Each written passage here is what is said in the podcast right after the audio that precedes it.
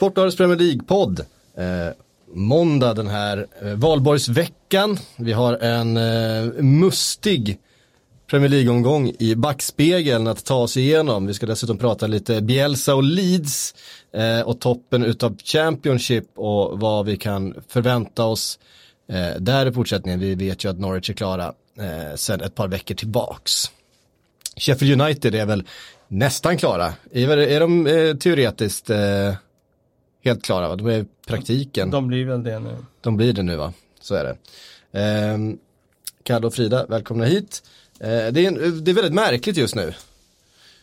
Kampen om topp fyra, det är som att ingen vill. Det, det går inte. Det går inte för, alltså till och med när de möter varandra så är det ingen som kan vinna. Vad, vad, vad pysslar de med? Det har ju blivit parodi av det hela, eh, får man ju säga. Eh, och det, det har ju andra ligor och, och, klubbar sett till att hoppa på. Jag såg att Sevilla hade någon eh, liten eh, tweet där till eh, eh, de engelska klubbarna och sa att vi inte ni har Champions League-platsen så tar vi gärna den för de slåss ju också där om. Eh, ja. De torskar väl också i helgen? Ja det gjorde de kanske. Dessutom. ja, nej men det är väl klart att det är det, det, är smärtsamt för många just nu tror jag. Eh, allra mest för ja, men dels United-fans och möjligen också då Arsenal-fansen som har fått, eh, ja det har nog varit kämpigt att hålla på det, den klubben den senaste veckan, det tror jag definitivt. Mm. Eh, jag tänkte vi skulle bara vi ska riva av matcherna i kronologisk ordning tänkte jag. Eh, för det liksom avslutas med eh, den mustigaste i, i mötet på Old Trafford. Så en liten så omvänd eh, ordning mot vad vi brukar göra. Eh, för det finns nästan eh, intressanta narrativ. Ja, det är ett sånt där jävla modord. Men man kommer på sig själv med att eh, hålla på sådär. Eh, I nästan varje match som har spelats faktiskt, någon kan vi kanske bara hasta oss förbi. Eh, men det började på fredag kväll med eh, Liverpool mot Huddersfield 5-0. Det var väl ingen som riktigt trodde att eh, Huddersfield avkapade sedan länge, förberedde sig för en säsong i Championship. Spelare som inte kommer vara kvar, starta inte, alltså sådär. Det var ju, det tog 15 sekunder för Liverpool att göra 1-0. Eh, och vore det inte för Shane Longs 7 sekunders mål så hade det väl varit ett, ja, i alla fall säsongens snabbaste mål. Nu har det inte ens veckans snabbaste mål. Eh, det är också lite sjukt. Ja, helt otroligt. Eh, just det där med att man får se två sådana mål eh, mm. inom loppet av en vecka. Äh, men det var ju eh, en sanslös maktdemonstration på något sätt från Liverpools sida. Och tycker väl återigen att det visar också vilken fantastisk säsong de har gjort. Eh, nu är det ofattbart att vad är 91 poäng. 91 eh, poäng ja. Att man har skapat ihop det med två omgångar kvar och det kan bli så att det inte räcker till ligatiteln. Såg någon, eh, vad var det, Sir Alex, det mesta han hade plockat var hur många poäng var det? Ja, det var ganska långt ifrån i alla fall. Mm. Eh, när han till och med vunnit titlar, så att det, det, bara det visar ju att Liverpool har gjort någonting utöver det vanliga och jag tror väl att oavsett om det nu blir ligatitel eller ej, om det blir Champions League-titel eller ej, så tror jag nog att de flesta kan känna sig oerhört nöjda med det här. Eh, för att det de har gjort är ju som sagt, nej, Mm. Jag, tycker, jag håller med dig helt eh, och jag tycker det är lite synd om de nu inte skulle vinna den här titeln. Att det, det hänger så otroligt mycket på vad Manchester City gör i de här två slutomgångarna, hur mycket credit Jürgen Klopp kommer få. Om de vinner ligan då kommer han vara helgonförklarad. Han kommer förmodligen ha sin staty där när han väljer att lämna Anfield. Eh, men om de inte vinner så blir det att ja, bra gjort, en klapp på axeln, men eh, ja, det var bara bra för det räckte inte. Och eh, jag tycker ju att eh, de har gjort något helt fenomenalt den här säsongen. Eh, ta så många poäng, spela den fotbollen de har gjort. Eh, och då menar jag inte nödvändigtvis att det har varit mer underhållande än tidigare utan de har fått ihop ett kompakt lag som har varit bra både offensivt och defensivt på ett sätt som Liverpool inte har varit tidigare. Och bara det är ju värt en bragdmedalj egentligen. Även om man nu har tillgång till van Dijk så, så, och Alisson så ska man ändå få ihop det och det har de verkligen fått. Hitta rätt balans och de har gett eh, spelare nya roller som de har eh, blomstrat i. Så att eh, det har varit, tycker jag, en otrolig eh, managerprestation, en otrolig coachprestation och då tappar han ju sin, sin eh, andre man Buvak eh, mm. förra våren och det lanserades ju då som att det var en, en dimension som man eh, förlorade där och att eh, Klopp hade varit inspiratören och Bovak hade varit liksom eh, taktiska hjärnan. Men jag tycker det här året har de ju varit taktiskt mycket skickligare än vad de någonsin har varit eh, i Liverpool tidigare. Den här, eh, eller alltså Klopp eh, har ju varit taktiskt skickligare nu än under tidigare år. Så att eh, eh, jag lyfter på hatten redan nu eh, för jag tycker de har gjort en fenomenal prestation. Oavsett om de vinner titeln eller inte så är det inget som överskuggar att Eh, eh Klopp eh, har gjort en managerprestation som är uppe bland de allra bästa i världen den här säsongen. Mm. Um, ja, nej men det kanske är så att uh, han som ersatte Bors och Pep Linders uh, också ska komma sig ihåg i det här sammanhanget då, för att de har ju fått ett annat typ av spel när, när Pep Linders har, har kommit in och han är ju en mer försvarsorienterad uh, taktiker. Mm. Bovarts är ju väldigt mycket Eh, fart och fläkt och, och press och, och anfallsspel. Eh, så det reflekteras ju. Det var också så här, en kul statistik från den här matchen, det är första gången som eh, eh, fem mål görs i en match, eller fem mål gjorda av afrikanska spelare i en ja. match i Premier League. Eh, Keita 1, eh, Mané 2 och Salah 2. Hmm. Uh, ja. Inte så förvånande i och för sig att... Uh, nej, med tanke att, på, på hur, att Liverpool har mycket afrikaner i laget så är det ju Uh, nej men jag menar det är inte så förvånande att det aldrig har hänt förut. Nej, jag menar, nej, fem mål, det är inte så ofta det blir att alla då ska göras av afrikanska spelare. Det är ganska liten chans, ja. uppenbarligen. Ja, jo, uh, har inte hänt tidigare. Mm. Uh, och Sala upp i skytteligaledning nu då igen på 21 mål. Uh, Mané precis då bakom med 20 och sen så gjorde ju Agüero mål igår. Och är väl uppe på 20 nu också va? Det blir samma, tufft där. Samma som man är. Men det, det kommer vi till eh, lite längre fram. Eh, ja, inte så mycket annat att säga om den här matchen egentligen. Det var, jo, vi kanske ska nämna att Alex Oxley Chamberlain var tillbaks mm. efter ett drygt år eh, borta med skada. Höll ju på att tråckla in en boll redan eh, det första han gjorde i matchen men Eh, framförallt att han får spela lite tävlingsfotboll den här säsongen också. Ja, verkligen kul att se att, att han är tillbaka. Eh, och jag tänkte också på det just efter den matchen att vad sjukt det är att man har suttit och tänkt att Mohamed Salah har haft en sorts, alltså inte en, inte en mellansäsong på något sätt, men han har, man har ju ändå han har ändå fått ta emot en del kritik längs säsongen och ändå har han gjort så många mål som han har gjort nu. Han har en lagkamrat som, som också har gjort mm. eh, mål eh, på, på det sättet. Alltså, det, det, säger ju någonting om vilka, vilka högt ställda krav det är på honom numera också. Mm. Eh, att han, eh, jag menar när vi summerar hans säsong så kommer vi ju prata om honom som att liksom, han har ju varit otroligt bidragande till att Liverpool ligger där de ligger och har plockat så många poäng. Ja, verkligen. Uh, men det är många, det är, det är, många som har gjort en fantastisk säsong. Mm. Um, uh, vi går vidare då till uh, Tottenham West Ham. Det första utav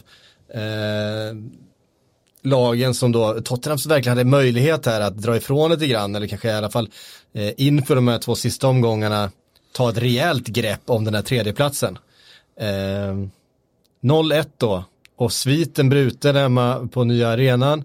Eh, och ett West Ham som utan någonting att spela för kammar hem alla tre poängen. Vad är, det som, vad är det som händer? Jag vet att Spurs har sina tankar eh, på, på tisdag och det är Champions League, alltså imorgon. Men den startar ju ändå med bästa möjliga lag. Det, den är ju rätt viktig att bärga den här eh, Champions League-platsen till nästa säsong. Man ska finansiera inte, sitt bygge. Jag vet inte vad som hände, jag var i Enköping på egen match, jag har inte sett den, men jag hajade till när jag såg resultatet, för känslan var ju att de hade skapat den där känslan av en hemmaborg på kort tid här på den nya arenan och att, att eh, West Ham tilläts bli det laget som, som spräckte sviten, det hade jag inte räknat med. West Ham var ju bättre på allt i princip i den matchen. Och eh, det var förvånande att se på ett sätt Samtidigt, om vi då slänger en blick på Arsenal och United och Chelsea så är det ganska många klubbar där som av någon anledning börjar bli väldigt, väldigt trötta och det finns säkert en, en massa olika aspekter att ta in där. Vi får väl anta att Champions League kanske är den främsta anledningen till att det såg ut som det gjorde. Men West Ham klev in i det här med, de ville långt mer kändes det som. Och eh, Antonio, första mm. målskytt i motståndarlaget på Tottenham Stadium. Blir Just det. det. Mm. Eh, och de skulle ha gjort fler mål ska sägas. Fi, fina eh, Michael Antonio. Eh, han, Gillar man. han har stoppat in ett par kassar nu på slutet. Levererar han en lika bra postmatch-intervju den här gången? Nej, jag har inte sett någon. Jag tror inte vi fick någon ah, okay. postmatch-intervju med honom. Men... Ja, det är en fantastisk karaktär, eh, Michael Antonio.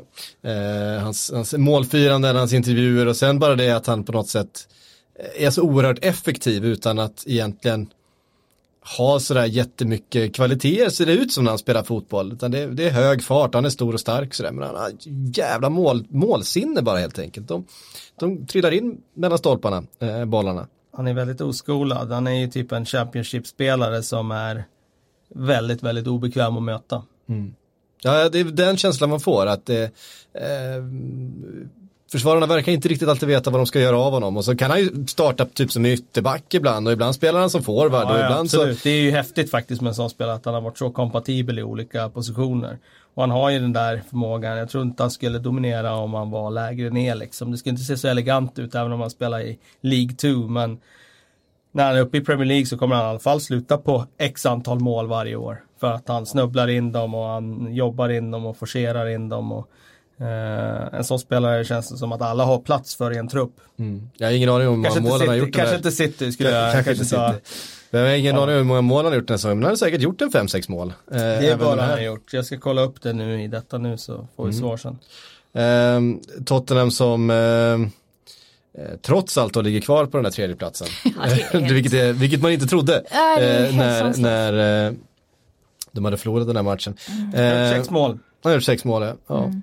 Eh, jag satt, eh, jag var ju på Stockholms derby i, eh, under söndagen tillsammans med Simon Bank som satt och slängde ett öga på Arsenal-matchen där. Mm. Som Tottenham-supporter så var han ju mer än nöjd över det med tanke på vilken kräftgång Tottenham går. Jag ja. tror väl också att, vi kommer väl in på den matchen, men tror väl också att Leicester-supportrarna, de sjöng också någonting i stil med att Tottenham skrattar åt er eller någonting, någonting i den stilen. Så att ja. de får förlita sig på de andra klubbarna just nu och det gör de ju också. Ja, eh, vi hade ett mellanmöte där, ett, ett mittenmöte ska jag säga, Crystal Palace-Everton, eh, två ganska formstarka lag ändå, 0-0 eh, blev det där. Jag tror att eh, det var en dag på jobbet och inte så mycket mer. Vi kan väl eh, hoppa över den, jag har inte sett någonting från den heller. Eh, Fulham Cardiff, matchen där Cardiff skulle kunna ta tre poäng eventuellt mot avsågade Fulham. Mm. Men Fulham gör ju inget annat än att förstöra för folk nu sen de, sen de har eh, blivit klara för eh, nedflyttning så har de faktiskt tagit ganska mycket poäng. Eh, och varit ett problem. Det är som att, ja, det vi har varit inne på det förut, det är som att pressen släpper när det är klart att man åker ut och så kan man spela ut på ett lite annat sätt eventuellt. Men tungt för Cardiff som nu har fyra poäng upp till Brighton med två omgångar kvar och det blir, eh, det blir Championship för, eh, för Neil Warnock och gänget. Det ser så ut, ja.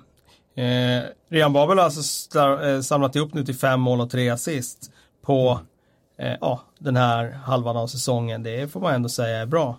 Det var ju ganska många som höjde på ögonbrynen när han värvades mm. in. Men han har ju faktiskt levererat bra med poäng. Ja. Och jag menar det att eh, han, han på något sätt har fått liv i sin karriär igen. Han, han, han levererar ju i, i, landslaget också. Mm. Eh, men det holländska landslaget är ändå helt okej okay just nu. Eh, men med mycket liksom ungdomar som kommer fram och men det är ändå Ryan Babel som är där framme som ofta är en av huvudpersonerna i det holländska landslaget eh, även nu för tiden. Um, Mm. Men, men tungt för Cardiff i helgen i alla fall. Under all kritik. Alltså med tanke på hur mycket motgångar Cardiff har haft de senaste omgångarna där de har fått domslut emot sig och sådär och förlorat matcher på det sättet så tycker man ju det är otroligt märkligt att de inte tar chansen mot ett Fulham som borde liksom rimligtvis bara kunna dammas av. Men nej, mm. tydligen inte. Mm. Fulham har ju faktiskt fortfarande möjligheten att gå upp på 18 plats. De kan, Ja, faktiskt, om man nu vill det. de kan faktiskt gå förbi. Eh, det, blir väl, det blir väl lite mer pengar va? I eh, Ja, någon slags några priskassa. miljoner. Jag tror inte att det spelar så stor roll i sammanhanget, men ja.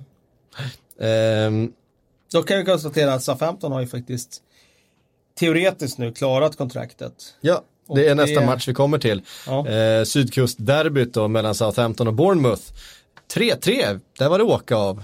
Eh, och Shane Long, jag vet inte, vi satt här och för någon podd sen för några veckor sedan och, och skrockade åt Shane Long att han har gjort två mål på sex månader, det var väl kallat för ett stim i hans värld och sen dess har han ju, jag vet inte hur många mål han har gjort, han har gjort typ fyra mål i rad eller något sånt där sen dess. Det var som att Ja, vi, vi, vi, vi fick igång hans säsong där. Han är het som en kamin. Fem totalt nu och det är inte att vifta bort liksom. Nej, jag tror att fyra av de där har gjort som senaste liksom, månaden. Så är det ju och jag menar, brukar ju sluta säsongen på ett eller två mål känns det som. Mm. Så att eh, han eh, har ju fått en renässans eh, i elfte timmen och det behövdes ju nu när Southampton verkligen var eh, i behov av att någon klev fram. Mm. Eh, så att han kanske får ett nytt kontrakt nu så springer han runt nästa säsong och så kommer det gå en torka på fem månader och så kanske han får se, kanske kommer in i ett nytt team, vi får se men jag sätter ingen tilltro till att det här kommer fortsätta men jag kanske får äta upp mina ord. Sen när vi ska hylla eh, säsongens bästa tränare och sådär så måste ju ändå Hassenhytten omnämnas där med tanke på vilken fart han ändå fick på dem till slut. De låg ju verkligen pyrt till. Det var ju länge man trodde att nej, nu, nu åker de ur men någonting hände där när han klev in och, och bjöd på öl och allt, allt han gjorde. Det, det funkade uppenbarligen. Hytte med näven kanske. Hasenhytte med näven. Förlåt. Eh, Men vidare. eh, Callum Wilson också, eh, tvåmålsskytt. Eh, får man väl också säga, kommer tillbaks lite grann. Han var ju så otroligt het i, i, Ja. i höstas. Eh, och då var det ju mycket snack om Chelsea och så vidare. som Everton skulle, också. Ja, Everton pratades det om. Har inte gjort så mycket mål den här våren, men eh, två baljor i helgen eh, för Callum Wilson. Um, Watford Wolves, kampen om the Everton Tro- Trophy, eh, alltså sjundeplatsen. Eh, ser ju Wolves ut att ha i en liten ask nu och det kan ju faktiskt bli så väl fortfarande att det ger en Europa League-plats va? Ja, jag tror det. eh, om Manchester City slår Watford i fa Cup-finalen Så är det nog ja. eh, så blir sjundeplatsen Europa League-plats. Det hade ju varit intressant att se Wolves med de, dels laget de har redan, eh, dels resurserna de sitter på och ja, agentkontakterna har vi varit, eh, varit inne på.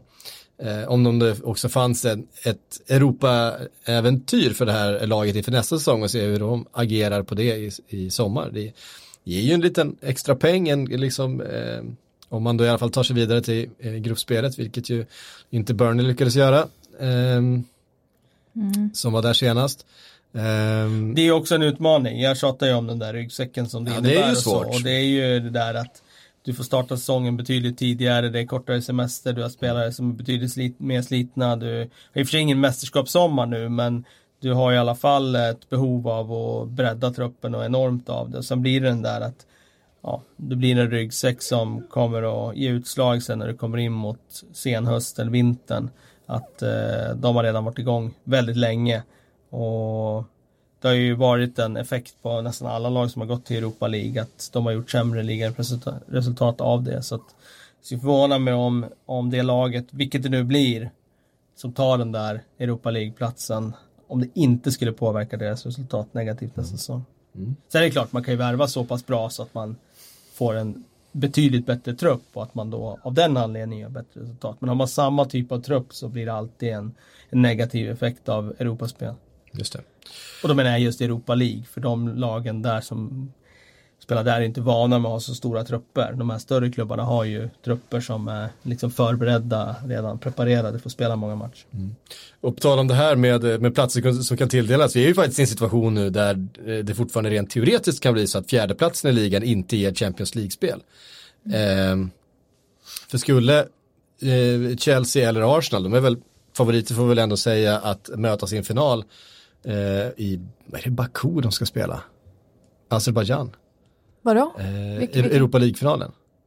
Ja, jag vet inte var den spelas. Ja, för mig Jo, att det är jo, det, jo, det stämmer. eh, långt bort. Ehm, att den som vinner Europa League där, om, säg att Chelsea vinner Europa League men kommer femma. Eh, Spurs vinner Champions League men kommer sexa. Så kommer alltså fjärdeplatsen, om det då är Arsenal eller United som sitter på den, eh, helt enkelt att missa Champions League. Eh, det är lite intressant att vi har i alla fall, vi har en teoretisk möjlighet att eh, det ska kunna bli så här. Eh, men det är rätt mycket som ska, mycket, rätt mycket som ska hända för Mycket men det, men det, men det är Ja, en, Jag hängde inte riktigt med men det, jag, jag det som det kommer. ja. Precis, det brukar vara en ganska gångbar eh, hållning faktiskt i ganska många frågor. Ja, precis. Ehm, Brighton Newcastle 1-1. Eh, inte så mycket att spela för något utav Jo, Brighton har ju för sig eh, mycket att spela för. Ja, Eh. Och Murray Förlåt, var ohyggligt nära. Ohyggligt nära att eh, få med sig tre poängen där Fina i Glenn. eh, slutet. Ja, det hade kunnat bli hans riktiga så här moment i karriären. Men eh, det blev det inte. Nej. Eh, viktig poäng ändå med tanke på att eh, Cardiff ju eh, inte fick med sig några mot fulla. Eh, så att avståndet är nu fyra poäng och eh, Brighton har ju också målskillnaden på sin sida. De kan ju i princip förlora de nästkommande två omgångarna och det känns ändå som att Brighton kommer klara det. Det känns inte som, som att Cardiff kommer ta fyra poäng på de här Nej. två eh, avslutande matcherna, det gör det inte. Leicester-Arsenal. Herregud hörni. 3-0 till Leicester. Jamie Vardy med sin, eh, allra, från sin elakaste sida. Får man säga så? Det är som att han, eh, han njuter ju lite extra av att tvåla till ett lag med ångest. Eh, det, visst, visst, han, han är ju liksom en, eh, en sån typ. Han har, visst har han en mobbar-aura på något sätt. Det känns eh, Arsenal just nu lite sköra på det sättet. Och då tror jag Jamie Vardy gillar att kliva fram och, och göra det Jamie Vardy gör, nämligen mål. 3-0 till Leicester. Hur ska vi... Det är ju samma sak här, det är precis som med Tottenham och så vi kommer komma in på med Manchester United och Chelsea. Hur ska vi förklara det? Är det liksom den här pressen om topp 4, det är så viktigt? Eh, I Arsenals fall ska det också kombineras med ett Europa League-spel och det börjar bli rätt viktigt där också eh, i semifinaler. Effekt av lång säsong, många som är slitna både fysiskt och mentalt. Eh, dubbelspelet och att eh, eh, jag tror att det är lite lurigt att möta de där lagen nu som är bra på pappret, som inte har någonting att spela för. West Ham Leicester har ju en sån där eh, högsta nivå som de kan plocka fram som eh, kan ställa till det för lag. Men det är som att de har nästan lite problem när, när de har eh, kniven mot strupen och de har förlorat ett par matcher, det är press och det är snack om att eh, eh, liksom tränaren ska gå eller liksom så. Nu när de får spela helt utan press och de ligger där i mitten av tabellen, då är det nästan som att de kan plocka fram en nivå som finns där latent många gånger.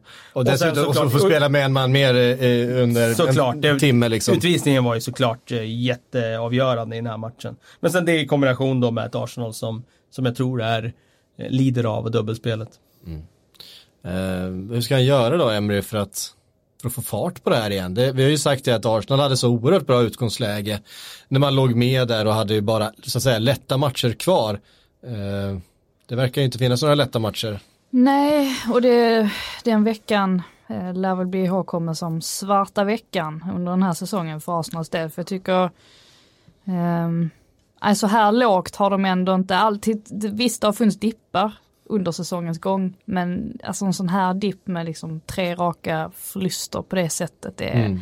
varav en 0-3 förlust mot Leicester. Alltså så lågt har de inte riktigt sjunkit, men det enda jag kan se som är skillnad, det är ju Aaron Ramsey. Och det är ju ganska märkligt på ett sätt att den spelaren som man faktiskt kan peka på har varit bäst i Arsenal den här säsongen eh, kommer försvinna.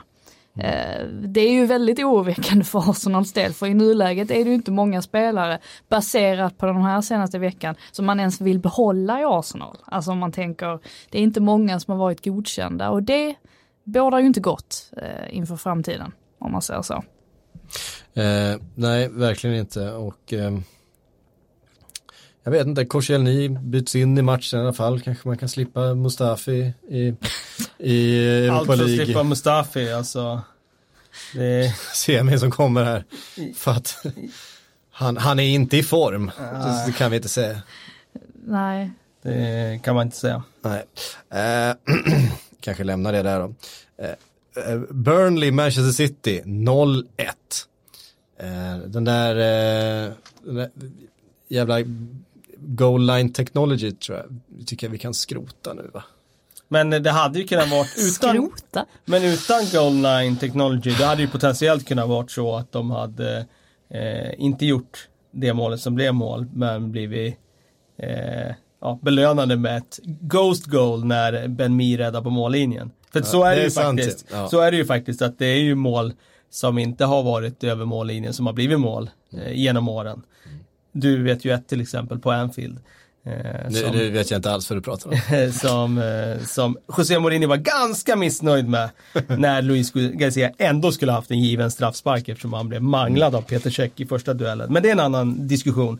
Ehm, ja, alltså jag tycker att det var som upplagt för eh, eh, en 0-0 match länge. Eh, Burnley fick ju liksom sitt, precis dit de ville. De maskade från minut ett. De var tio man runt eget straffområde, extremt kompakta. Och City tycker jag led jättemycket av att inte ha De Bruyne på plan, som väntat. Alltså, ja, de har Och mycket, Fernandinho. och Fernandinho också, men kanske inte så mycket i en sån här match där när de ändå är på offensiv planhalva och de defensiva omställningarna inte blev så farliga. Det är Fast det där kän- han är så viktig. Fast det känns ändå som att resten av mittfältet vågar ta större risker när Fernandinho är där. Så kan det vara. Så Eh, kan det för vara. att jag tycker även matcherna mot man säger, det sämre motståndet med och utan Fernandinho så tycker man ser en Det är skillnad. klart Alltså. han är viktig. Det är, alltså jag ser han och De Bruyne som deras två viktigaste spelare.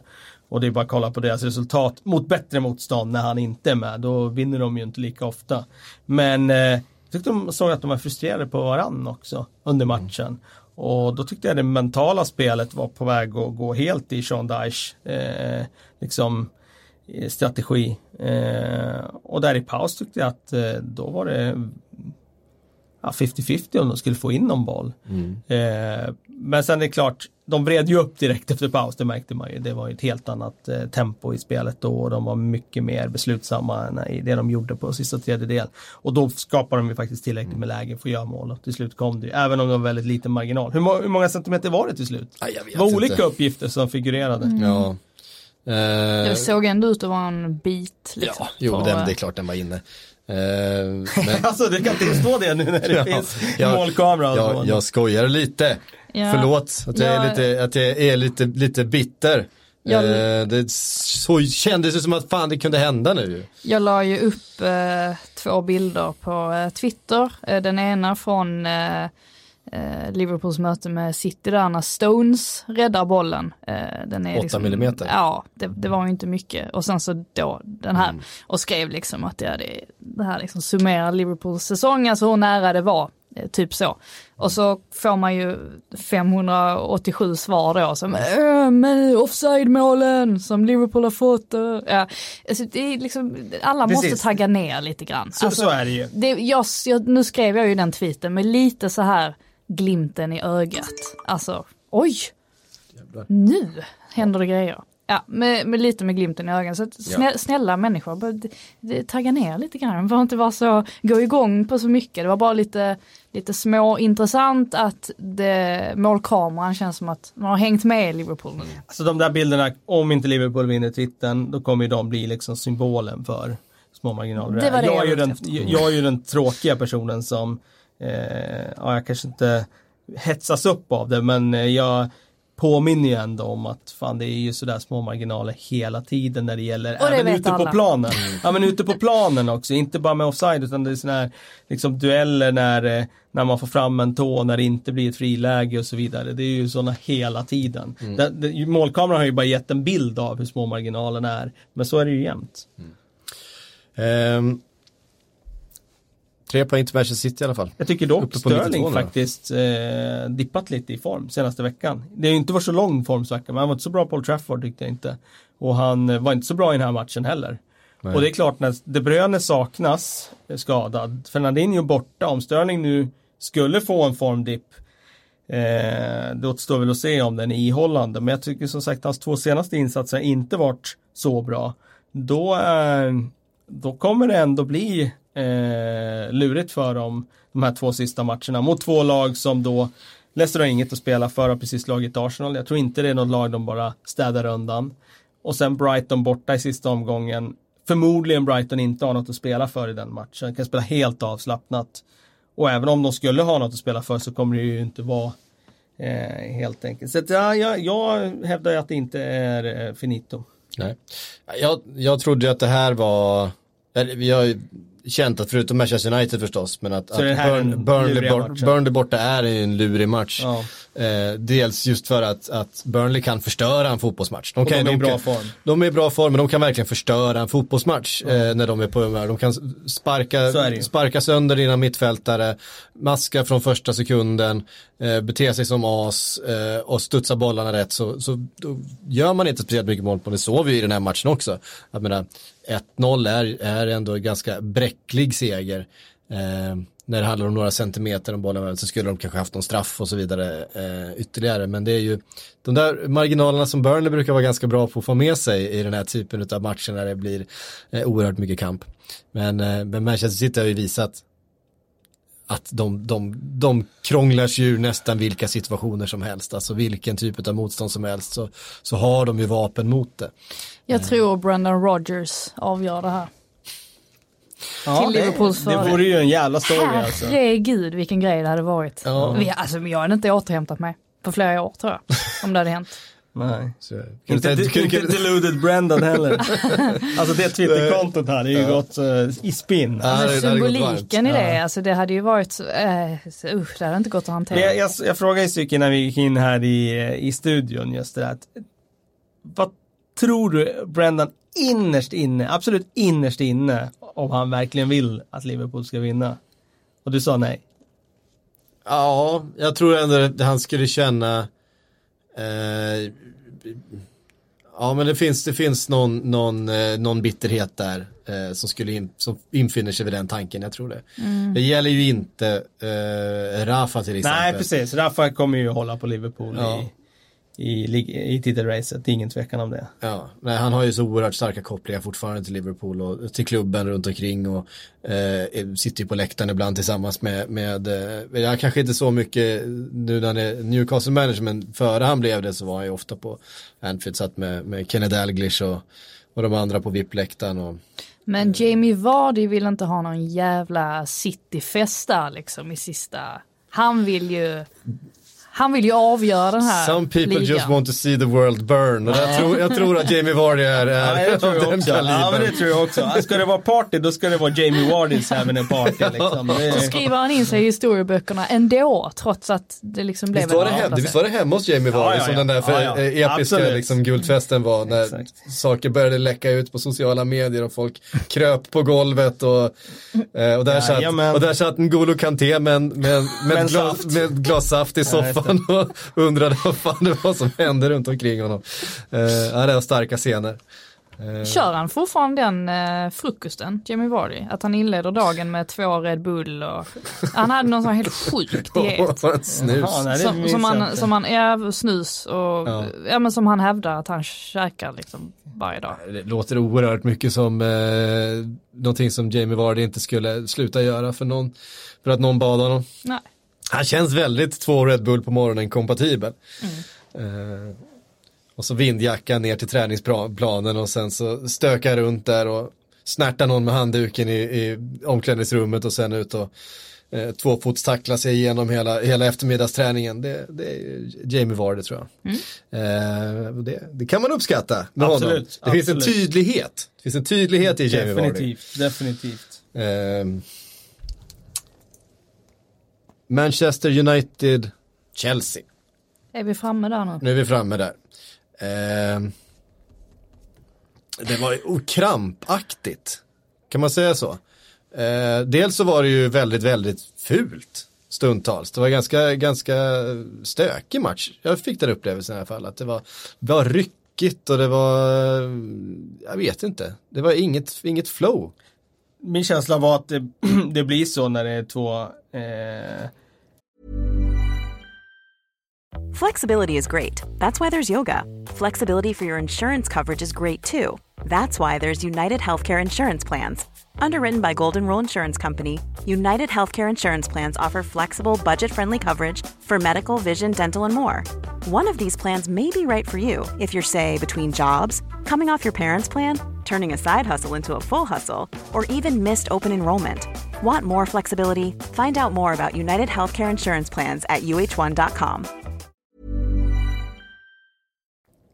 ganska trubbiga lag som inser att de kan inte spela sig till någon vinst. Så att då får de på något sätt kriga sig till den och domaren lät det gå överstyr. Eh, och när Rojo kom in så gick det totalt överstyr. Och mycket på grund av att han delar ju faktiskt ut ganska ofta den där typen av vårdslösa tacklingar.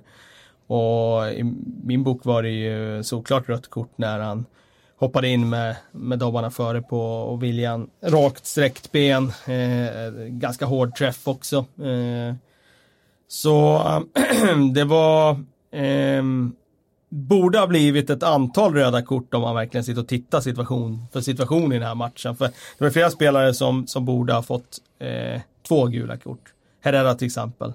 Eh, och så var det någon i Chelsea, Aspi eller någon annan. Borde också ha fått det. Jag minns inte vem det var. Eh, men det var väl ganska signifikativt för att de här lagen har ganska stora problem. Eh, det var ingen supermatch. Det var ganska eh, taffligt anfallsspel från båda lagen. Iguain är ju ett eh, praktfiasko. Eh, sprang offside gång på gång i lägen när han inte hade behövt göra det. Och i Manchester United så bjöd ju Lukaku på en alldeles eh, underbar chippassning till 1-0 där. Men mm. på det stora hela så är han ju fortfarande inte tillräckligt bra. Och den där offensiven är fortfarande inte tillräckligt bra. Hur mycket pengar och löner de än betalar. De hade en eh, ganska intressant diskussion i Skys studio efter matchen där de, de försöker hitta anledningar till varför det ser ut som det gör eh, då i United eftersom att eh, Neville satt i, i studion. Och så kom de in på det här med Lukaku och att han eh, inte verkar vara i, i form, att han, eh, han blir trött för tidigt. Och då ställde de sig frågan att hur kan man bli det som spelare i Manchester United som måste ha så otroligt mycket resurser eh, och kunna få spelare i topptrim så att de klarar sig under säsongen. För jag, jag kollade ju lite på det, alltså det är ju någonting man tar upp mycket i den här succén med Liverpool och vad som har hänt där i klubben sen, sen Klopp kom dit, att han bland annat tog dit en näringsfysiolog som eh, sköter eh, allt spelarna äter i princip. Och, och det här har spelarna själva gått med på och tycker är jättebra. Att de har hittat eh, en grej där som har såklart bidragit till att spelarna håller sig fräscha mycket längre, eh, att de eh, är bättre på att återhämta sig efter matcher och så vidare och när det är tufft med, med, med matcher och så. Då kan man ställa sig frågan varför, varför ser det ut så i, i United och varför är Lukaku i så, så dålig form? Jag tyckte att det var, de närmade sig någonting som var ganska intressant. För att vi vet ju allihopa om att när Solskär kom in då, han ville ju att spelarna skulle spela på ett helt annat sätt än vad Mourinho ville och det kräver ju betydligt mer energi än vad Mourinhos spel gjorde. Och de har ju inte sprungit speciellt mycket i de senaste matcherna. Eh, det har man ju kunnat se att det, det skiljer ju kilometervis varenda gång gentemot motståndarna och det måste ju tyda på att spelarna är slitna. Att de inte, de inte orkar. Det kan inte bara vara kvalitetsmässigt tänker man. Mm. Um, ett fint mål i alla fall. Det är typ det man tar med sig. Från det ena till det andra. ja. ja. nej men jag tycker det var eh, liksom eh, ganska väl sammanfattat där Frida. Alltså, det är ju, vad ska jag säga, det är ganska uppenbart att den energin som fanns när Solskjaer var ny, den har ju varit som bortblåst. Sen kan man säkert dividera ganska mycket om vad det beror på. Var det att det var att de var för dåligt tränade från början för att inte kunna klara av den typen av fotboll. Det klarar av under en kort tid sen när han kommer in och sen går du in i väggen och det är det som visar sig nu. Eller är det för att det är någonting utanför planen som inte vi känner till och som vi inte har insyn i eh, som sköts på, ja, inte tillräckligt bra sätt jämfört med hur det sköts i andra klubbar. Det är kanske sånt som efteranalysen kommer innehålla sen när de börjar utvärdera den här säsongen. Men det är klart att Manchester United som klubb behöver ju vända på alla stenar. Allt ifrån att anställa en liksom, eh, sportchef till att eh, titta på näringsfysiologi och allting för att eh, som klubben fungerar idag så är det ju helt dysfunktionellt sett till vad den borde kunna göra med de resurserna de har. Eh, men det är riktigt, de sitter ihop ett, ett fint mål, det gjorde de och det har man ju inte sett mycket av de senaste månaderna egentligen, inte den typen av kombinationsspel som faktiskt lockades fram av Solskär när han tog över. De första matcherna där gjorde de ju faktiskt några riktigt fina mål där de verkligen kombinerade sig igenom. Och det var spel på tredje spelare och så vidare. Det här var ju ett sånt mål.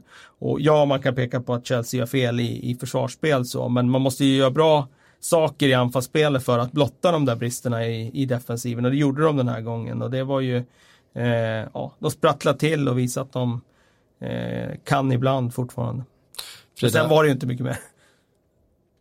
Är Ole Gunnar Solskär rätt man att leda Manchester United säsongen 2019-20? Ja, för jag kan liksom inte komma på någon annan som skulle kliva, alltså om vi tänker vilka som är tillgängliga på marknaden och sådär, så kan jag inte riktigt se att där är någon som man känner att, ja men han skulle vara klockren ändå. Och på det viset så tycker jag inte att det är helt dumt att Solskär blir kvar.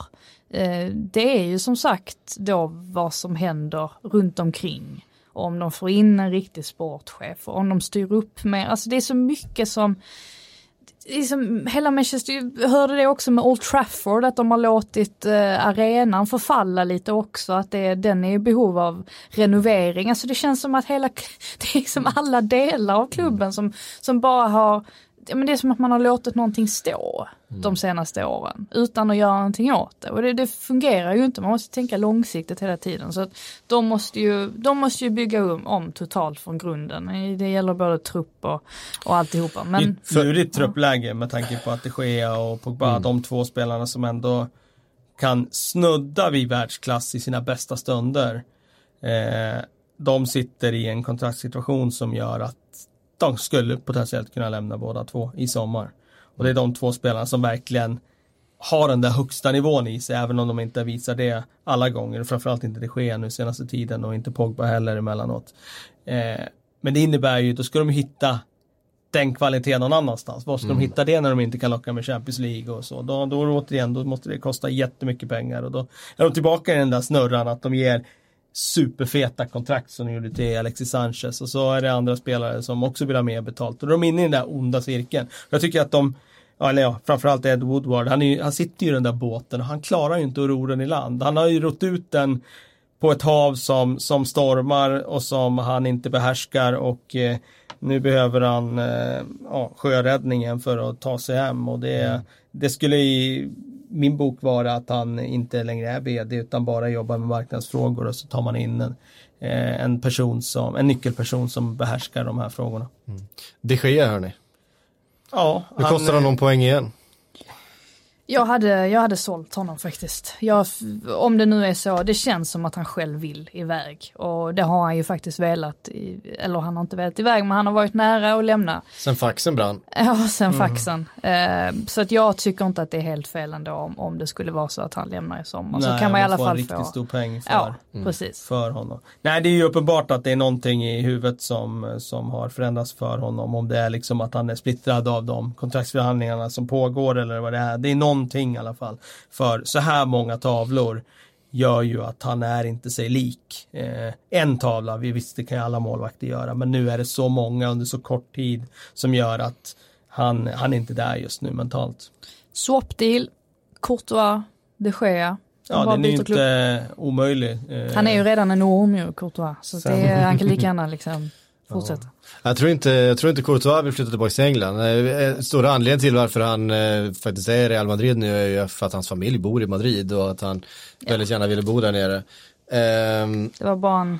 Men, men lo, rent logiskt så, så eh, skulle ju Courtois vara ett perfekt målvakt för ett Manchester United ja, just nu. Han passar mycket bättre i England Eh, till exempel, tycker jag. Än i, Inläggsspel och sådär. Ja, alltså som sagt, det är ju hans absolut största styrka som, som målvakt är att han plockar alla inlägg.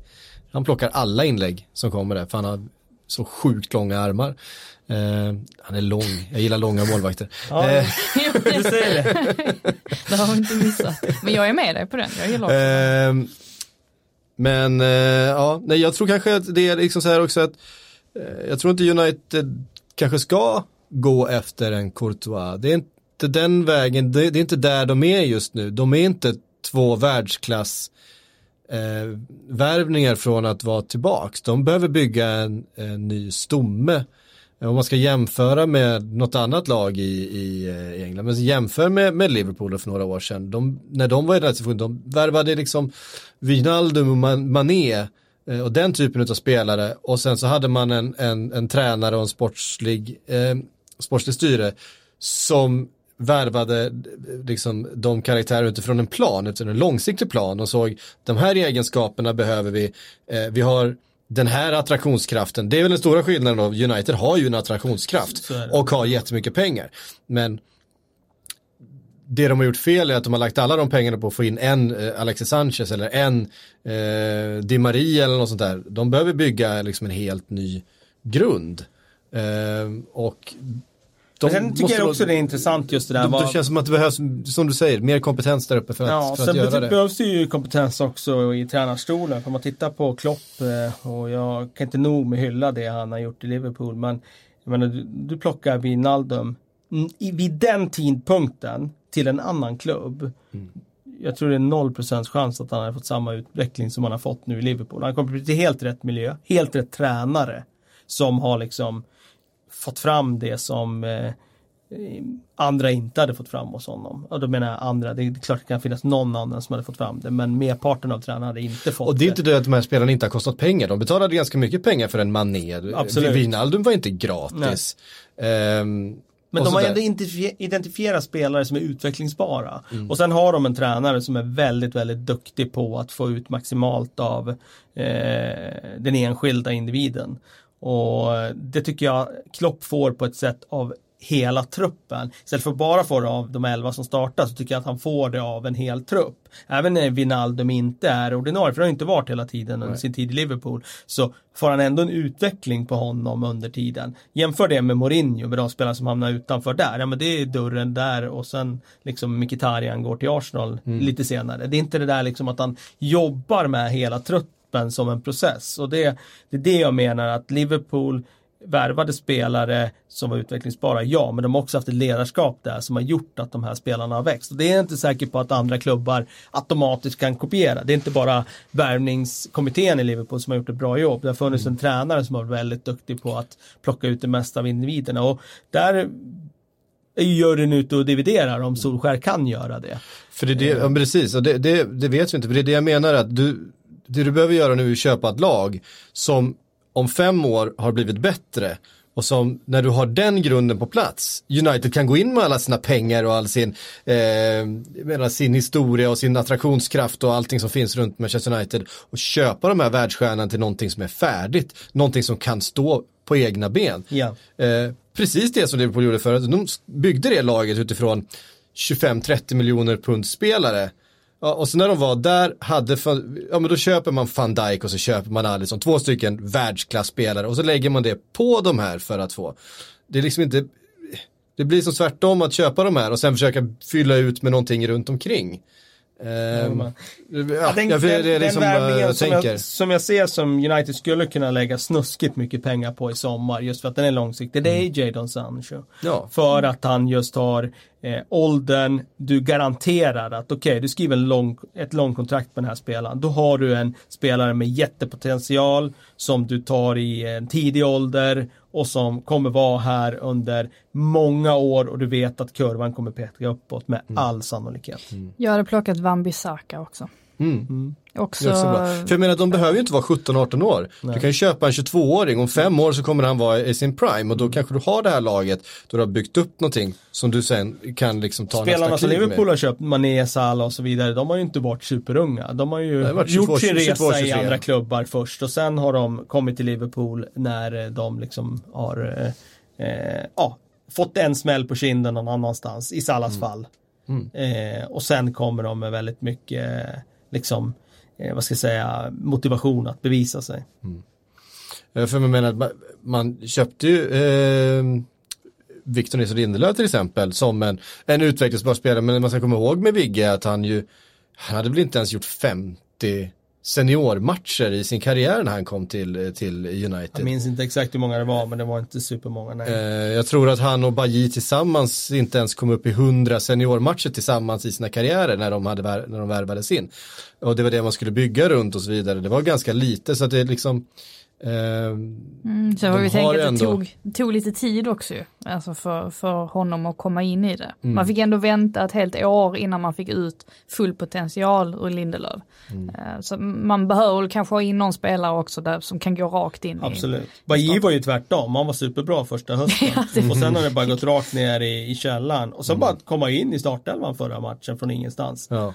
Eh, och, och nu blev han skadad och han är ju skadebenägen. Ja det som är problemet är tillbaka till truppbygget. Herrera tycker jag nästan är en av de absolut liksom, viktigaste spelarna för mm. United att behålla. För det, han garanterar någon slags nivå och det är ju uppenbart att under Solskär har han ju kommit tillbaka till den nivån som han har i sig. Ja. Och han är en sån där spelare som, jag förstår att PSG eh, rycker i honom. Visst, han var jättedålig under Mourinho i perioden. Han var ju mm. katastrofal. Minns inte vilken match det var. Det var ju någon av de här högprofilerade matcherna, toppmatcherna. Han var så dålig. Var det City borta eller?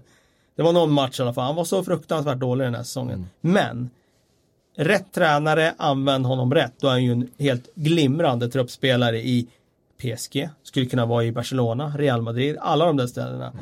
Kanske inte given start, men som truppspelare är han ju otroligt tacksam att Och som, menar det är klart, och sen finns det ju såklart en massa, en massa talang i det här laget. Det är inte så att det är bara föredettingar eller folk som måste säljas. Men då har en Rashford, då har en Lingard, Eh, Vigge var vi inne på, det finns en Luke Shaw. Alltså det är spelare som har utvecklingspotential eh, fortfarande som redan är på en hög nivå men det finns eh, inget enhetligt lag där.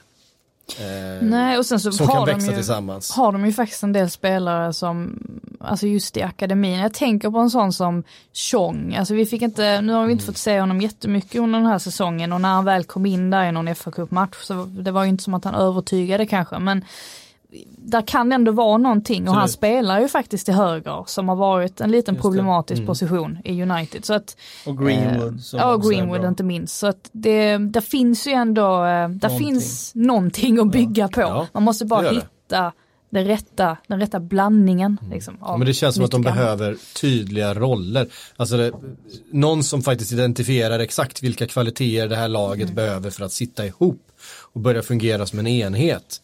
Eh, och det, det blir ju Ole Gunnars utmaning här nu. Eh, Chelsea, ja, där, hade vi, där har vi en annan situation. Där har vi en, där har vi en klubb som typ är till försäljning nu va?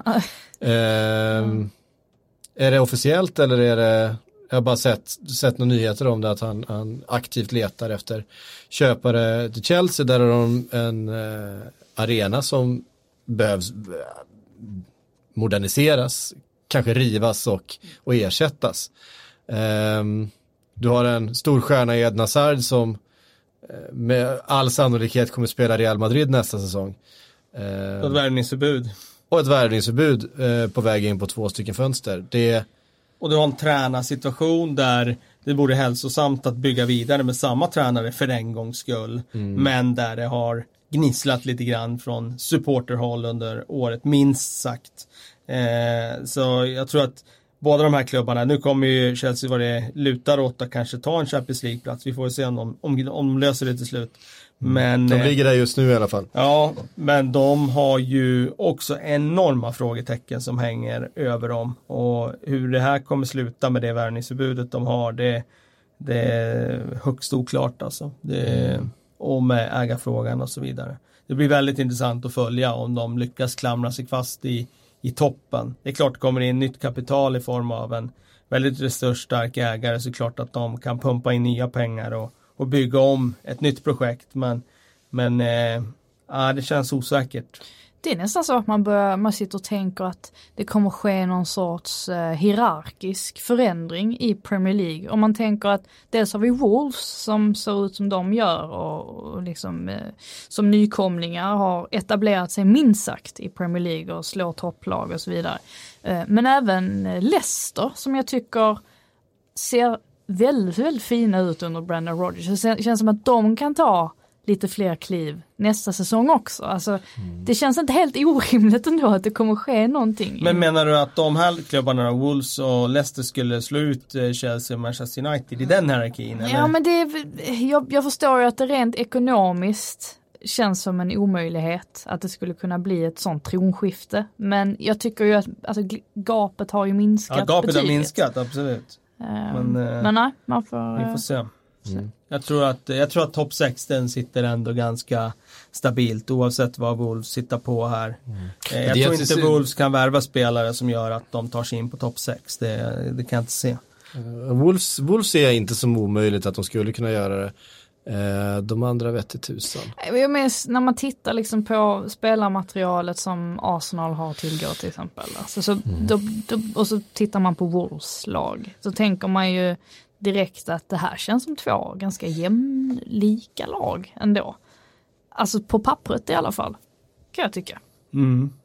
Jag tror, jag tror Wolves, vi får se nästa år om de kan eh, förnya sig. Men jag tror att de kommer få lite lurigare rent taktiskt nästa år. De får ut väldigt mycket nu av att vara defensiva och ställa om och så vidare. Precis som Leicester fick när de vann ligan. Eh, nästa år, år två så att säga, blir svårare svåra när, när, eh, ja precis, andra säsongssyndromet som man tjatar om. Nej men just det där med att motståndarna kanske inte bjuder på lika mycket och har större respekt för dem och, och inte låter dem göra, använda sina styrkor på samma sätt. Ehm, Det var alla helgens matcher det ehm, och eh, alla lagen hann vi väl rassla igenom också. Vi, eh, vi måste prata lite Championship och det som hände igår inte minst. Eh, När eh, Leeds och Aston Villa rök ihop Eh, och de gjorde det på ja, framförallt efter situationen som vi ska prata om. Eh, Det är alltså en Aston Villa-supporter som blir skadad mitt på planen. Supporter? Eller vad, supporter, en Aston Villa-spelare. Ja, de har ju, de har ju eh, supporter på plan ibland. Eh, Jo, det- Ja, det, det har de ju. Eh, en Aston Villa-spelare som eh, ligger skadad i mittplan. Eh, Aston Villa-spelarna slår ut med armarna, uppmanar Leeds eh, till att slå ut bollen. Eh, man slutar springa, man, man står. Var, så som jag uppfattar situationen, så den Leeds-spelaren som har bollen, han skickar ner den eh, på Aston Villas planhalva. Ingen Aston Villa-spelare springer efter den, utan de eh, hanterar det ungefär som att han har slagit ut bollen, var på en annan Leeds-spelare, som jag inte heller vet som det är, jag kommer inte ihåg vem vem hans målskytten var, springer ner, tar Kish bollen. var det väl, var det inte det? Jo, då. Jo det var det. Eh, tar bollen, eh, ett ganska snyggt mål ändå. Han, eh, placerar in den i bortre stolpen. Eh, Villa-spelarna blir vansinniga. Eh, och det kan man ju förstå. Men det märkliga är att även eh, Bielsa, Leeds, Leeds tränare, reagerar på detta och beordrar sina spelare att låta Aston Villa göra 1-1. Hela laget köper det här utom en. Pontus Jansson, han, han tänker fan inte släppa in någon mål. Går emot hans natur Eh, släppa förbi. Ja, det går, går emot hans natur. Så när Villaspelarna springer ner med bollen och, och Leeds-spelarna bara står och tittar på så är Jansson ändå där och försöker hugga. Eller hugga, men, men han eh, eh, lyckas inte utan Villa gör eh, 1-1. Och eh, Pontus Jansson var vansinnig, ska sägas. Eh, och Alltså, det oerhört finns så märklig många dimensioner vi, vi, i det vi, ska, här. vi, vi måste lägga till där också att Leeds hade haft en spelare precis innan som var skadad och, och Villa hade slagit ut bollen vid det tillfället. Eh, att eh, Villa-spelarna hävdade att de förväntade sig att samma sak skulle göras utav Leeds. Ja, jag, jag tycker vi ska börja i den änden. Jag är Mm. ju emot det där med att man slår ut bollen. Eh, jag tycker att det är alldeles för ofta man slår ut den och sen, ja, det var ingen allvarlig skada. Den där spelaren, han kliver upp en och en halv sekund eller en och en halv hundradel efter att bollen har slagits ut och sen eh, viftar han, eller liksom ja, viftar han bort den där skadan och, och börjar springa igen. Jag tycker man ska spela eh, vidare, sen får domaren avgöra domaren ska blåsa av om det är en huvudskada eller om det är en allvarlig skada. Och det är klart, jag, jag förstår det, det är klart att någon gång med den metodiken, någon gång så kommer ju spelet fortsätta när en spelare har drabbats av en allvarlig skada till exempel. För jag tror att när det blir huvudskador då ser ändå alla spelare det direkt och då viftar de till domaren att nej men nu måste vi sluta. Men om det är en bruten fot till exempel, ja då får man ligga i sju sekunder till med en bruten fot. Jag tror inte det jag, jag tycker det är värt det, att det sker någon gång. Eh, att någon får ligga med ett brutet ben i fem sekunder extra innan sjukvårdarna kommer, till, kommer in för att få bort den där typen av eh, bara slutbollen som, som det blir. Och då får alla lag spela tills domaren blåser, det är enkelt. Jag tror aldrig man har sett heller när det faktiskt har varit en allvarlig skada. Jag tror aldrig jag har sett spelet fortsätta. Alltså jag har alltid sett någon annan spelare som är i närheten Nej, se det jag håller och med gå dig. fram. Jag, jag kan inte minnas det. Nej. Det, det, men det jag säger, det kommer ju säkert ske någon gång. Mm. Vilket det alltid gör. Det blir något undantag. Men eh, jag håller med dig, jag har inte heller, kommer inte på något sånt eh, eh, någon sån situation. Och jag tycker inte man har rätt som Villa om vi tar det från början att bara sluta spela och förvänta sig att motståndaren ska, Nej. då ska man få skylla sig själv. Men det finns en aspekt i den här som gör att jag omvärderar den här, just den här händelsen. Och det är att Leeds-spelaren visar ju med sitt agerande att han ser ut som han ska slå ut bollen. Men han slår inte ut boll utan det är som att han nästan ångrar sig. Jag vet inte om det är att han ångrar sig. Men han Först är det som att han ska Han slå bromsar ju passningen, in, liksom. Ja, att han ska slå passningen ut från linjen. Sen slår han den ändå rakt jäms med linjen och så går det till en ytter som blir mer eller mindre fri eller han är en mot en situation och viker in och skjuter. Så det tycker jag förändrar hela den här. För eftersom han med sitt agerande visar att okej, nu ska jag slå ut bollen och så gör han inte det. Där blir det inte längre fair play. Hade Leeds bara fortsatt spela precis som vanligt och visa att när vi ska fortsätta spela då, då hade det inte för mig behövt släppa in någon mål. Men nu när han, den här spelaren, han visar först i en sekund att jag kommer slå ut den här bollen och så gör han inte det. Där är det inte längre fair play. Och där köper jag för Villa-spelarna har ju Villa slutat blir- spela. Ja, de har slutat spela och då köper jag att Villa blir så upprörda som de blir och jag köper också då Däremot ska man inte dra på sig rött kort som någon av dem gjorde eh, i det, Just det, det? eh, liksom efterspelet som skedde där. För man får ju fortfarande Grealish var ju där och vevade i alla fall. och slå på spelare oavsett vad som har skett. Men där köper jag att efterspelet blir då att Bielsa gå med på att släppa in ett mål. För då blir det ändå likt det som skedde med Arsenal där och Kanu för hundra år sedan med att det blev omspel i den matchen för att Kanu förstod inte där att, att det hade varit en skada och så gjorde de ett avgörande mål mot Sheffield Wednesday var det väl. Och sen eh, erbjöd Arsene Wenger omspel i FA-cupen.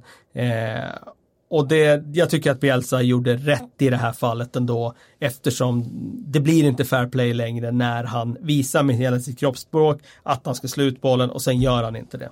Som objektiv åskådare så håller jag med dig allt det du säger. Men jag kan samtidigt förstå frustrationen om man som Leeds-supporter sitter och ser det här. Hade det här varit mitt lag som hade släppt in mål frivilligt för att följa någon jäkla fair play-regel. Ja, ja. När det gäller så mycket, när så Ja. mycket står på spel. Jag, kan, jag kan köpa att de Pontus. blir vansinniga. Pontus Jansson vill spela Premier League-fotboll nästa säsong. Ja, det- och, han, och, han vill göra, och han vill göra det med Leeds. Och jag förstår verkligen att han skiter i om det blev lite fel den här gången. Eh, eller vad det nu var, om det finns någon jävla tveksamhet. Han, det är så tajt. Nu tog Leeds eh, bara en poäng i den här matchen, det slutade 1-1. Eh, Leeds som ju är ur form får man ändå säga. Ja. De hade två raka eh, förluster inför den här. Eh, men är nu då fem poäng bakom eh, Sheffield United som har den här eh, andra platsen i ligan då. Och eh, med tre matcher kvar att spela. Eh, väl? Är det tre matcher kvar att spela? Ja, det är det väl då. Eh, nej, Två. två. Nej, det var är bara en match kvar att spela. en match det är, kvar. ja, men då är, de ju, då är det klart ju. Eh, det, är vi som inte kan, det är jag som inte kan räkna. Förlåt. Eh, jag, har, jag, har, jag har tabellen framför mig, men jag kan, jag kan inte räkna. Eh, det, är bara, det är bara att konstatera. Men då har vi en eh, Leeds och West Bromwich är klara för, eh, och Aston Villa är klara för playoff helt enkelt. Eh, Leeds och Aston Villa i en playoff-match, någon? Någon som? Ja, det hade ju Kän- varit känns- kittlande såklart. Känns som att det inte, kanske inte kommer rullas ut så många bollar över linjen om det är någon som ligger skadad. Nej, men Nej, Aston Villa har ju ingenting att vara sura på längre. De fick Nej. ju, de fick De ju fick som ju de ett mål. ville liksom. Ja. De fick ett, ja, och ett mål som de ska vara jäkligt glada för, för Ja. de slutar spela själva och så får de ändå göra det där målet. Jag kan ju hålla två tankar i huvudet samtidigt här. Jag kan ju, trots att jag tycker att Bielsa gjorde rätt, så kan jag ändå älska Pontus Janssons agerande i den här situationen. Han står upp för det han själv känner. Och liksom som han förklarade efteråt i någon intervju där på Leeds Awards att nej men jag är försvarare, jag ska försvara mitt mål. Och det, det gör jag helhjärtat. Och han gör det så att säga i vilket väder som helst. Och det kan jag någonstans älska. Och det är klart han kommer ju bli, han är ju redan en legend i Leeds. Men hans eh, legenden växer ju bara av det här agerandet. Mm. Som sagt, de hade ändå legat tre poäng bakom inför sista omgången. Precis. Eh, så är det. Så att, de har ju slarvat bort det här, Leeds. Ja, de har gjort det genom att, genom att ja, helt enkelt förlora. Ja. Eh, två matcher i rad innan här. Ja. De hade egna händer. Men, eh, Men eh, som sagan du... skulle ju få ett fint slut om de tog det här i playoff nu genom att besegra Aston Villa. Ja, eh, alltså visst att, att Leeds kanske inte har varit ett lag man har, eh, man har älskat eh, under hela sitt liv. Eh, ja, jag älskade ju deras upplaga 2001 som semifinal i Champions League. Med Viduka och, och eh, Alan, Alan Smith, Smith, och David ja. Batty, Olivier Dacu, Lucas Radebe, Ian Just Hart. Det. Ja. det var ett och Robinson. Eh, Danny Mills, Danny... Lee Boyer, Jonathan Wildgate. Rio Ferdinand. Bo eh, Lee Boyer var en speciell figur. Mm. Harry Q. Ja, han var där också, det stämmer. Eh, Frida. jag har aldrig varit så tyst på det. Eh, men som det ser ut nu då, Leeds, West Bromwich, Aston Villa och Derby har en hängmatch dessutom då eh, på Middlesbrough. Så att om Derby då vinner den matchen som spelas väl idag, gissar jag. Du, du, du, du, vilka är det de ska möta? Frank Lampards Derby. De ska möta Swansea Oh, eh, sista matchen på säsongen. Jag hittar inte vilka de har i hängmatchen där, men skitsamma. Eh, det skulle vara kul att ha eh, Derby istället för Mid Middlesbrough, är för jävla tråkiga. Eller? Ja. Om vi kollar eh, tränarmässigt så absolut. Ja, hellre, hellre, hellre Derby än, äh, än Middlesbrough, det, det, det slår jag fast. Ja, men då har vi Leeds, West Brom, Aston Villa och Derby, så eh, det är upplagt för en del Eh, du gillar ju playoff. Jag, gillar, gillar jag måste säga med, de här, med den här konstellationen då kommer jag också följa playoff med stort intresse. Ja men så här, det kan bli West Bromwich Aston Villa, alltså Birmingham derby. derby. Eh, det kan bli Leeds Aston Villa med det, vad, vad det innebär efter den här matchen. Vi kan ju också få John Terry mot Frank Lampard i Aston ja, Villa mot, mot Derby. Eh, så att ja, det finns en hel roligt del. Här som någon beskrev det i engelsk press där att eh, nu när den här grejen skedde där så stod ju John Terry vid sidlinjen och stod upp för fair play. det var den första tweeten jag såg. Det var, liksom, det var just okay. den. Alltså. Eller okay. så här, Terry, Terry in fight with El Loco. Och jag ja, bara tänker, det. hur kan jag missa detta? Liksom? det, det vill man ju se live. Ja, eh, eh, han har väl alltid stått upp, upp för vad som är rätt och riktigt. Ja, ja, John ja, Terry. Ja, ja, ja. Det finns inga, finns inga tveksamheter där. Du har en bra segway där till att van Dijk faktiskt blir utsedd till Play of the Year. Med tanke ja. på att John Terry var den senaste mittbacken att vinna den. Precis, bra, den hade jag inte ens... Äh, ja, förs ja, men ja, försvara. Uh, den hade jag inte ens uh, tänkt på faktiskt, men det var ju det jag skulle komma in på nu, ju, att, att uh, van Dijk blev, som vi väl var inne på förra veckan också, vi trodde att det skulle bli van Dijk som, som blev player of the year. Mm. helt enkelt. Um, jag hävdar ju att um, det finns en mittback som har förtjänat priset mellan Terry och van Dijk. Vidic. Vidic säsongen 2008-2009 den mm. säsongen. Mm. Rött kort på Anfield vill jag minnas att han fick den säsongen. Och Paul Trafford va? Han kanske var på Tra var mot Liverpool Fick han inte båda, båda matcherna? han blev ju förnedrad av Torres båda matcherna mm. i alla fall. Jag, bara, jag kommer bara ihåg sånt som, sånt som är bra för Liverpool. Mm. jag har selektivt minne. Men ja, eh, det var ju kul att eh, en försvarare vinner. Måste jag säga. Nu fick ju mm. Raheem Sterling, det kom ju idag här att han får ju Footballer of the year som ja. den engelska pressen då eh, utser. Och det var ju inte alls förvånande, måste jag säga. Jag tror att eh, min eh, nummer ett var ju van Dijk. Men eh, just engelsk press tror jag haft lite dåligt samvete för hur Sterling porträtterats genom åren. Och när det blottlades här så tror jag att det hade en liten liten påverkan på det. Plus att han då också gjort så väldigt mycket utanför fotbollen, utanför planen. Och det väger ju tungt just i Footballer of the year, för då ska man väl också, jag tror det står i de där statuterna att den ska vara liksom en, en god förebild för sporten och så vidare. Eh, vi har fått en massa frågor som vanligt. Eh, det är fler som vill att vi ska prata om Teemu Pukki, men ni får ju gå tillbaka ett par, eh, ett par avsnitt så, Ja, det har vi redan gjort. så har vi ju gått igenom den gode finnen. Eh, är han Nordens hetaste striker? Det måste han väl vara? Ja. Alexander Nej, Isak. Isak ja. Ja, Isak är het. Eh, Och Ödegård är ju faktiskt också het. I Norge. Eller jag är i Holland men. Ehm, per Lindholm undrar, vem ska ta över Newcastle om Benitez lämnar? Inga skämt om Pardew, tack. Nej, det, Vi, vi, vi han är eh, för sånt. var ju faktiskt med i en intervju i Telegraph här, Pardew, där han sa att han längtade tillbaka till managerrollen och han eh, går bara och väntar här till sommaren när han ska slå till på. Se vad det blir.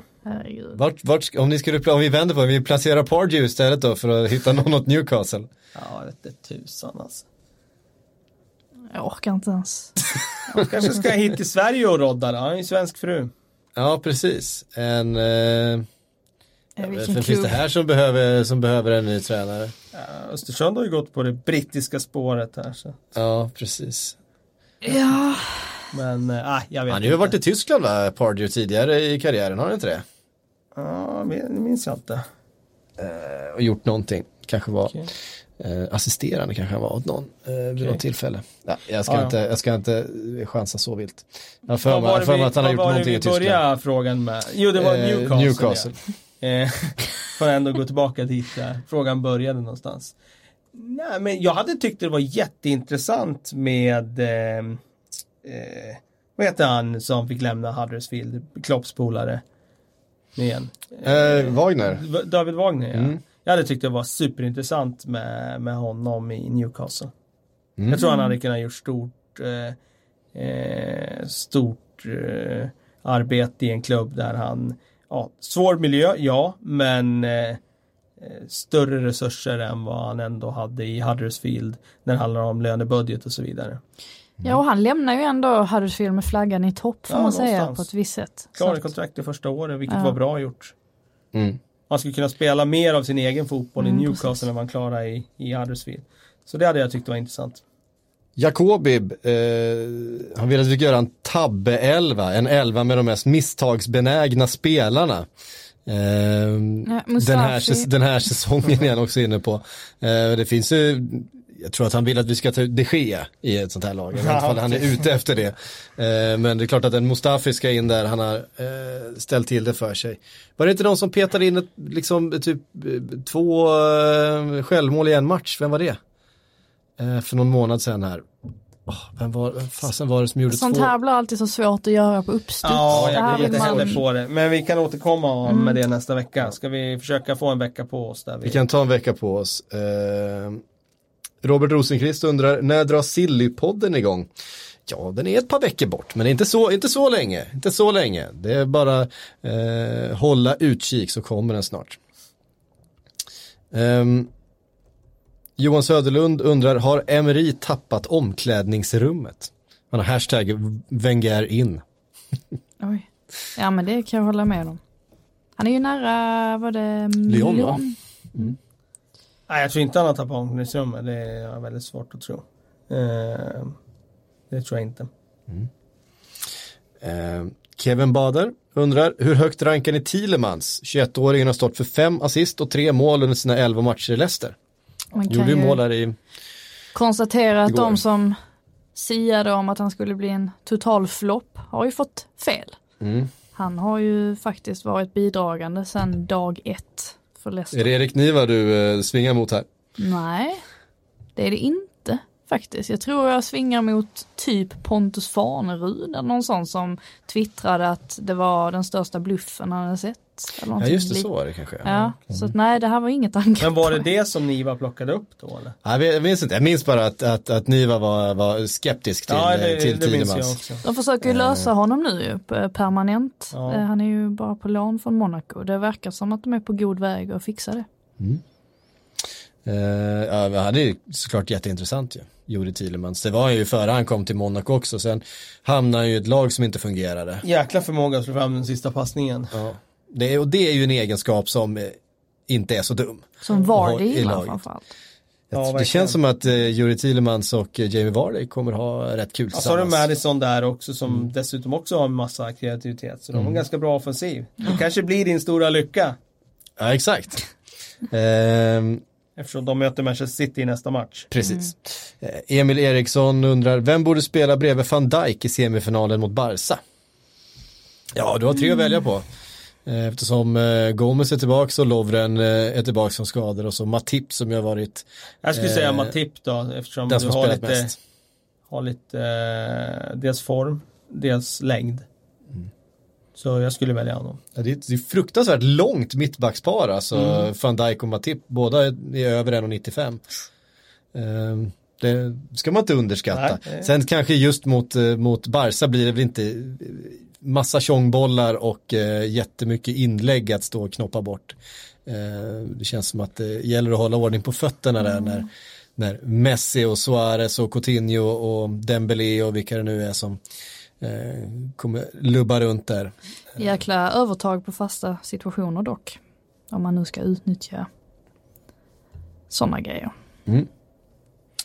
Eh, ja, vet ni vad? Det var allt vi hann för idag.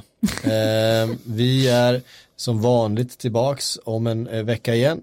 Eh, ta det försiktigt på valborg. Tänk på att det är eh, eh, eldningsförbud va? Tänk på att det är Champions League på kvällen. Så är det Champions League på, på kvällen så gör ingenting som jag inte hade gjort. Så kan vi väl säga. All right, eh, tack för att ni har lys- lyssnat. Tack Kalle, tack Frida för att ni kom. På återhörande.